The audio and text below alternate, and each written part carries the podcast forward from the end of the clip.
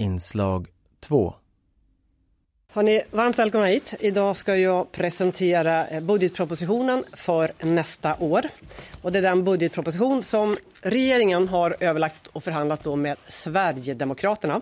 Förra veckan presenterade regeringen sin budgetproposition för 2024.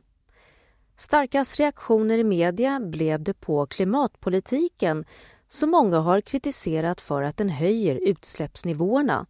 Något som finansminister Elisabeth Svantesson, Moderaterna, visserligen bekräftade men samtidigt sa sig ha lösningar på, om än inte nu.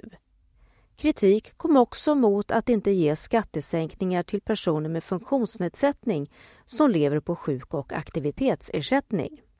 Sista frågan här bara, men ditt eget ungdomsförbund hävdar ju här att det, det framstår som att ni inte alls har någon plan för att klara klimatmålen. Alltså hur svarar du på den kritiken från ditt eget ungdomsförbund? De får, det, är bra, det är många som har höga förväntningar, det tycker jag är bra. Vi kommer också att då återkomma ganska snart, om några månader, eller under hösten, med eh, klimathandlingsplanen.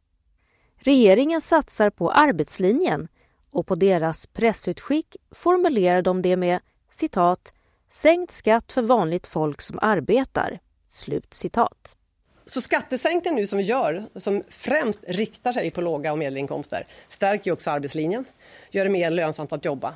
En som är kritisk till de skattesänkningar som just är knutna till arbete är Niklas Mårtensson, ordförande i Funktionsrätt. Han säger att skattesänkningen för arbetstagare gör att personer som har sjuk och aktivitetsersättning missgynnas eftersom de inte kan arbeta.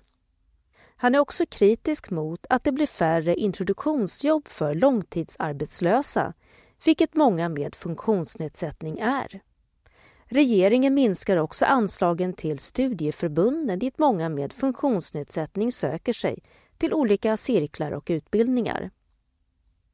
För pensionärer blir det en skattesänkning, men hur slår den?